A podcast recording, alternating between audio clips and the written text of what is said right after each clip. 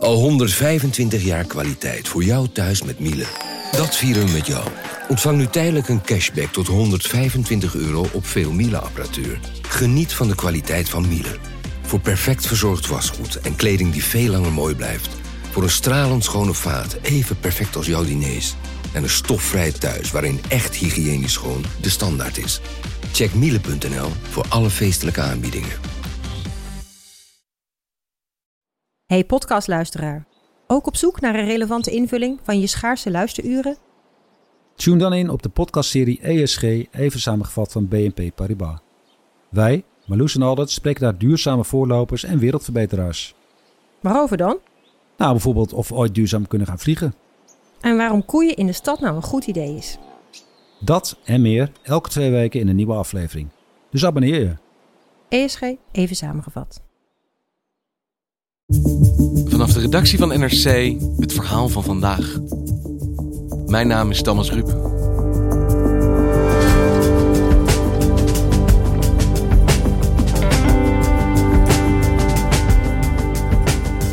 De cafés gingen weer open, de restaurants, de theaters, concertzalen, bioscopen. Maar de clubs blijven nog altijd dicht. Mogelijk staat zo'n 80% van alle clubs in Nederland op omvallen. En dat is niet alleen een economisch drama, zegt muziekjournalist Rolinde Hoorntje, maar ook cultureel. Beseffen we wel wat hiermee verloren gaat?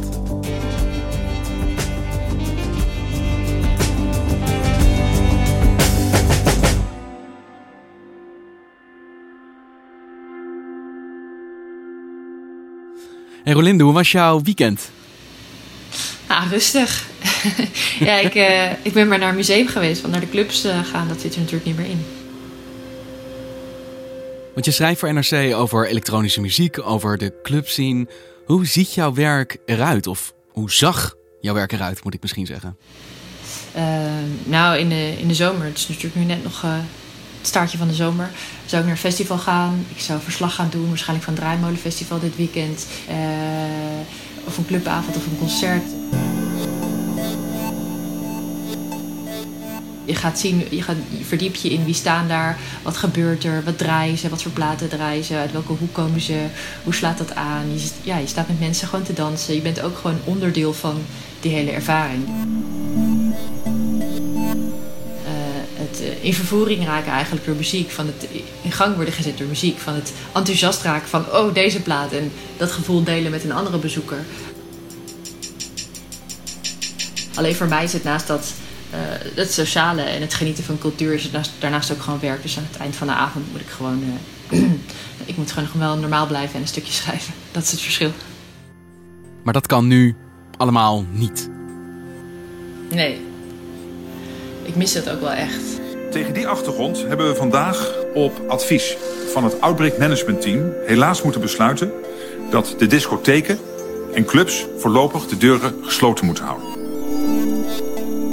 Het risico op nieuwe uitbraken is gewoon te groot.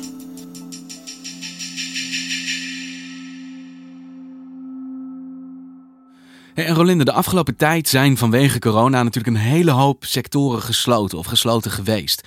Maar de laatste maanden zie je dat de hele hoop weer open gaat. Maar dat geldt dus niet voor de nachtclub zien. Nee, ik denk dat ook heel veel nachtclubs best wel uit hebben gekeken naar de datum van 1 september. Uh, in de zomer werd toen op een gegeven moment al gezegd, zelfs uh, ja, sekswerkers die toch echt fysiek één op één contact hebben, uh, mogen weer gaan werken. mensen mochten weer gaan vliegen. mensen mochten weer in barren gaan staan. Mensen mochten weer in kroegen gaan staan. Zij het dan wel met in achtneming van die anderhalve meter regel. Maar nachtclubs en discotheken blijven dicht. En daarna werd er de suggestie gewekt dat het per 1 september anders zou zijn. En nu is opnieuw die categorie echt als aparte categorie genoemd. Van nee, jullie blijven dicht. En uh, dat is natuurlijk best wel apart. Want Rolinde, kun jij een diagnose geven? Hoe staat de Nederlandse clubscene er op dit moment voor? Ja, het ziet er echt heel somber uit voor veel clubs in Nederland. Ik heb toevallig met Koninklijke Horeca Nederland van de week lopen uitrekenen. Volgens uh, Aziz Yagoub uit Rotterdam, dat is de uitbater van uh, bijvoorbeeld Bron, een poppodium Annabel. Die zegt ja, 80% van de clubs staat hier op omvallen. Ja, uh, en dan mensen moeten niet schrikken van die aantallen, maar daar hebben we het over. En uh, volgens de initiatiefnemers van de Nachtwacht, de demonstratie op Museumplein, gaat het zelfs om 95 procent. je krijgt straks wel een domino-effect, verwacht ik. De ene na de andere valt om. Het is heel lastig te duiden, maar wat de feit is, is clubs krijgen geen subsidie of kunnen geen aanspraak maken op steun van de overheid. Dus dat gaat niet alleen om personeelskosten, maar juist ook dus om de vaste lasten die horen bij een club, stroom, geluid en licht, huur van een soundsysteem. Ehm, die blijven ze maar doorbetalen. Mogelijk zoveel als 80% van de Nederlandse clubs zit tegen het faillissement aan, nu al. Dat is wat ik begrijp als ik ondernemers spreek uit die hoek. Want er zijn op dit moment natuurlijk heel veel sectoren die in zwaar weer zitten. Enorm veel vlakken zijn er problemen. En ja, op een bepaalde manier, nachtclubs zijn natuurlijk niet een vitale sector van Nederland. Het is uitgaan en op een bepaalde manier kan je voorstellen misschien dat die later aan de beurt komen dan sommige anderen. Nou, dat ben ik niet helemaal met je eens. Ik denk dat uh, voor sommige mensen, zeker voor uh, bepaalde gemarginaliseerde groepen, uh, uitgaan juist wel van vitaal belang is. Omdat bijvoorbeeld, stel je bent transgender of je voelt je niet veilig om een, iemand van hetzelfde geslacht te zoenen op straat. Je krijgt opmerkingen als je s'nachts met elkaar hand in hand door de stad loopt. Dan is het ontzettend belangrijk dat er clubs zijn. zeker clubs met bijvoorbeeld speciale gay-avonden, avonden waar iedereen welkom is. Dat je voelt van het is hier oké, ik mag hier gewoon helemaal zijn wie ik ben. Ja, um, en daarom is zo'n plek juist zo essentieel om die community toch te blijven aansterken. Um, ja, ik sprak er bijvoorbeeld ook over met, uh, met Fafi Abdul Noor. Hij is DJ en uh, hij uh, heeft een eigen clubavond gestart in, in Groningen.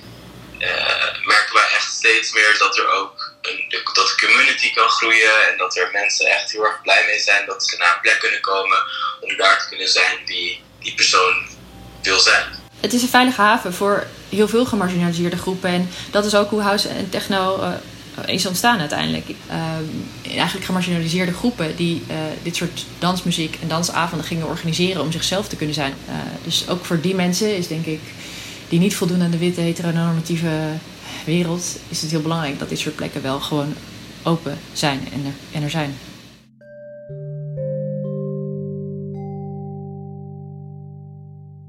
Rolinde, hoe komt het dat de nachtclubs maar gesloten blijven? Ik denk dat het heel erg uh, mee te maken heeft hoe cultuur in Nederland wordt uh, ingevuld. En ook hoe nachtclubs dus worden gezien. En uh, ja, ik denk dat als je kijkt hoe, hoe dancecultuur überhaupt begon, en ook in Nederland dus, is dat uh, heel erg in de underground. Dus dat begon met feestjes, illegale feestjes in, in pakhuizen, in de haven, uh, uh, met ergens in Noord-Holland en misschien op een open veld. dus dat was, het, het, is, het is later erbij gekomen, om het zo maar te zeggen. En het ontstond een beetje als tegenbeweging. En daardoor werd het niet beschouwd als iets wat bij de gevestigde culturele pilaren viel. Absoluut, ja. En inmiddels is het denk ik wel zo dat, er, dat het, de erkenning er is. Ook omdat we zien hoe groot Nederland ineens is geworden.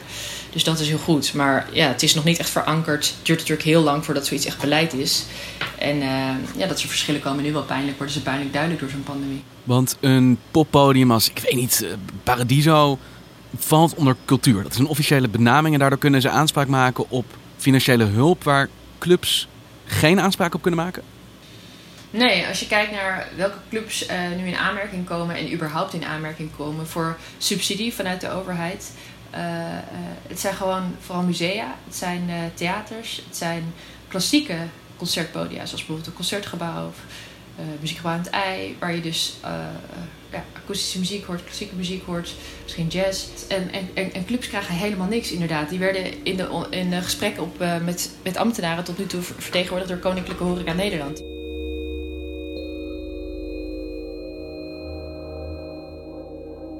En dat die clubs zien op dit moment in zulk zwaar weer verkeerd, wat betekent dat voor de lange termijn? Nou, wat ik begrijp van mensen die ik spreek uit de scene is dat ze zich zorgen maken natuurlijk dat uh, er uiteindelijk geen, geen clubs meer over zullen zijn. Uh, en dat er dus ook minder organisaties zullen ontstaan van jonge mensen die denken: wij gaan samen een nieuw geluid laten horen, wij gaan samen uh, nieuwe feesten geven, maar ook wij gaan misschien samen een label oprichten, nieuwe muziek bedenken. er zal minder kruisbestuiving ontstaan tussen verschillende culturen, want ik, een club is ook een plek waar je eigenlijk iedereen kan ontmoeten. Dus die verbindende factor voor eh, stad zal ook voor een deel wegvallen. Eh, en het betekent uiteindelijk dat eh, als je kijkt naar wat er aan, aan, cultuur wordt gemaakt, dat een infrastructuur daarvoor zal wegvallen. En, maar dan hebben we het natuurlijk niet alleen over clubs. Het gaat dus ook om mensen die in, uh, normaal gezien in het festivalseizoen werken en die in de evenementsector zitten, geluidstechnici, noem maar op.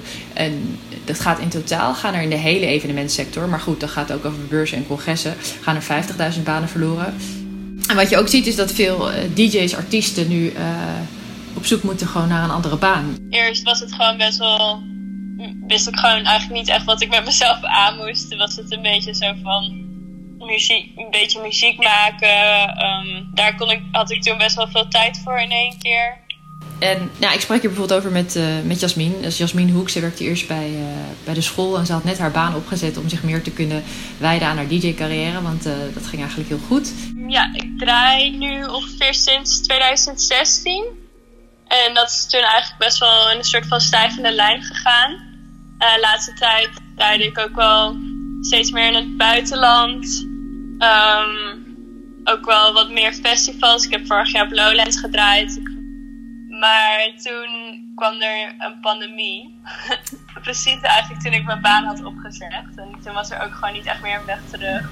Ja, dat is natuurlijk ontzettend balen. Balen voor haar, maar ook balen voor ons. Want als, als, jonge DJ's op die manier niet gestimuleerd worden, en, uh, ja, dan gaan ze iets anders doen. Ja, en dan is er gewoon eigenlijk helemaal geen zekerheid. En is dit het gevolg van Nederlandse besluitvorming, van hoe er in Nederland naar deze sector wordt gekeken, of geldt dit voor alle landen om ons heen? Nou, als je kijkt naar andere landen, daar mogen de clubs al veel sneller open. Bijvoorbeeld Zwitserland, Frankrijk, Duitsland.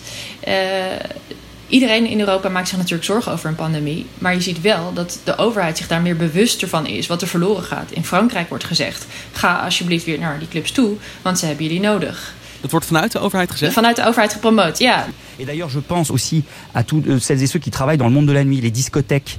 Euh, ça a des conséquences pour eux dramatiques. Nee, en je ziet dat zelfs de minister van Cultuur heeft mensen opgeroepen om weer meer naar de clubs te gaan. Om te zorgen dat die clubs niet omvallen. Et je, on n'en parle pas suffisamment. Et moi, je veux en parler aujourd'hui parce que c'est tout un, euh, tout un secteur de l'économie qui est sinistré. Daarmee is wel duidelijk dat het, het, besef dat er echt iets verdwijnt aan cultuur in andere landen om ons heen wel duidelijk aanwezig is. Ik, ik heb wel het idee dat de Nederlandse overheid iets meer een afwachtende houding heeft wat dat betreft en ook strenger is. Dat in Frankrijk de culturele relevantie van de clubscene groter wordt ingeschat dan in Nederland. Terwijl hier relatief, vermoed ik, de clubscene groter is en dance belangrijker is. Ja, dat is ook in Berlijn zo, waar eigenlijk uh, uh, clubben een heel belangrijke pijler is onder de economie bij afwezigheid van zware industrie. En het zijn vooral mediabedrijven en, en clubbedrijven die daar uh, ook gewoon het geld voor een stad binnen, binnenhalen. Dus daar zie je wel dat vertegenwoordigers van clubs ook deelname hebben in, in, in, overleg met, met gemeentes en nationale ambtenaren.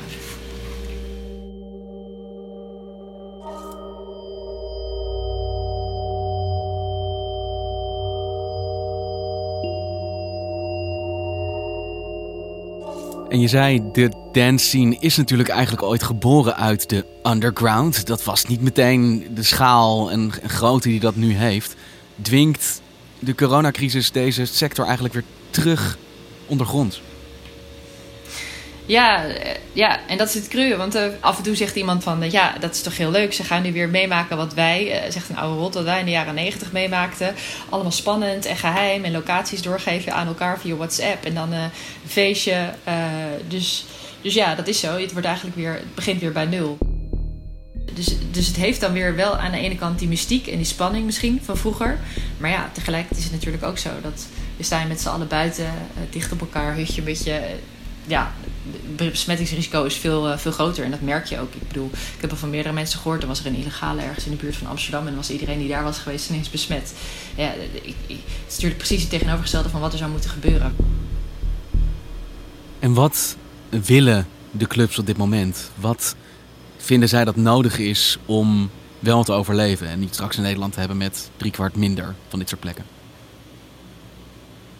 Ja, clubs, ze zeggen het hangt heel erg af uh, van uh, de steunmaatregelen. Dus wat voor geld komt er beschikbaar gewoon om te zorgen dat zij hun vaste lasten, die lasten voor het geluidssysteem, het licht, de stroom, personeelskosten die ze zelfs nog moeten opdragen, om, om, om een potje, dat er een potje komt waar ze aanspraak op kunnen maken.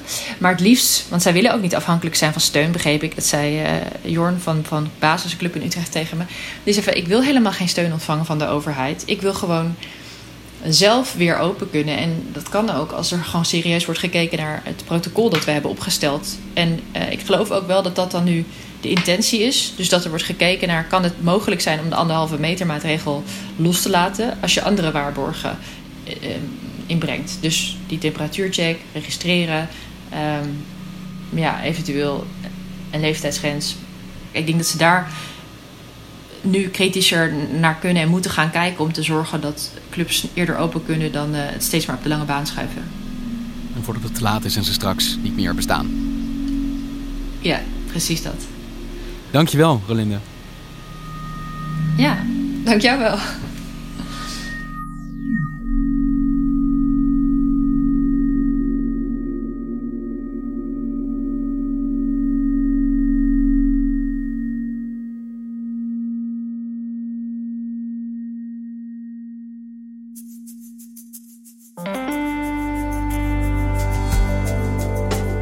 Luisterde naar vandaag, een podcast van NRC.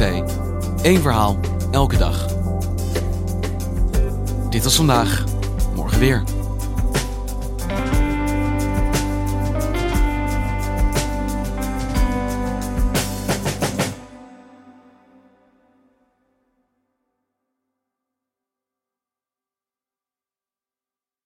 Technologie lijkt tegenwoordig het antwoord op iedere uitdaging. Bij PwC zien we dit anders. Als we de potentie van technologie willen benutten, kunnen we niet zonder een menselijk perspectief. Human-led, tech-powered noemen we dat. Ga naar pwc.nl.